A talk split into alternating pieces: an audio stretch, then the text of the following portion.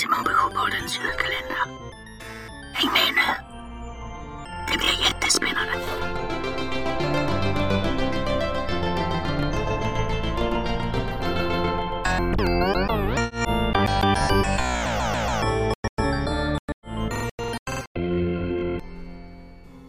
Kapitel 21.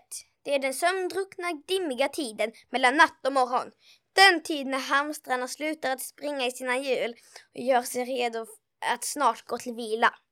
Den tiden är det och det är då han kommer, Skrufs. Och nu är den 21 dagen och tredje gången han gör det. Men Tilda sover fortfarande. Vakna! säger han, högre än han brukar.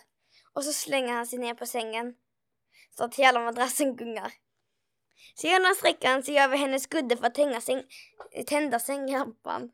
Och då vaknar hon och tittar rakt upp i hans raggiga armhåla. Jag har kommit på hur vi ska göra. Vadå? säger Tilda och blinkar i det plötsliga ljuset när Skrufs tar bort sin arm. Vad ska vi göra? SMS! säger Skrufs upphetsat. Vi skickar sms till alla barn. Tilda! Jultomten finns! skriver vi. Fast på olika språk då förstås. Visst är det bra? Det enda ni använder nu för tiden. Mobiler? Ja, fast svarar Tilda. Fast vadå, säger Skrufs otåligt. Fast inte barnen, svarar Tilda. Vi måste nog komma på något annat. Mail, försöker Skrufs. Samma sak där, säger Tilda. Men vi ska nog komma på något. Men särskilt säker är hon inte. När natten verkligen har gått över imorgon är den nya dagen en lördag och Skrufs har redan försvunnit. Människorna som inte har hundar ligger kvar i sina sängar och de andra lindar kopplet om handen och staplar ut, stapplar ut genom ytterdörren.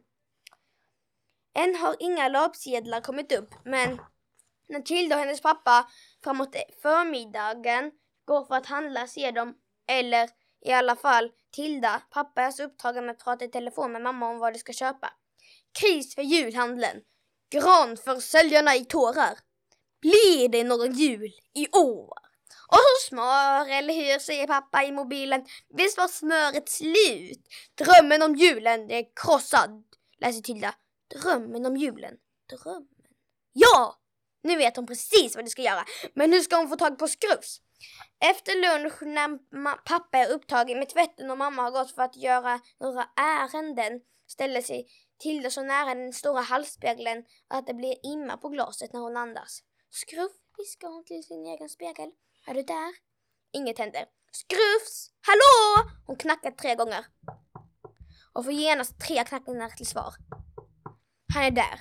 Snabbt torkar, han bort all, snabbt torkar hon bort all imma med tröjan, ärmen, så att hon ska kunna se ordentligt.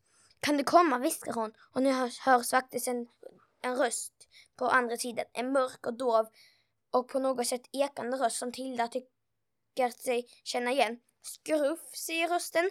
Jag är inte Skruffs. Tilda backar skränt bort från sin egen spegel. Jag är spöket i dina drömmar.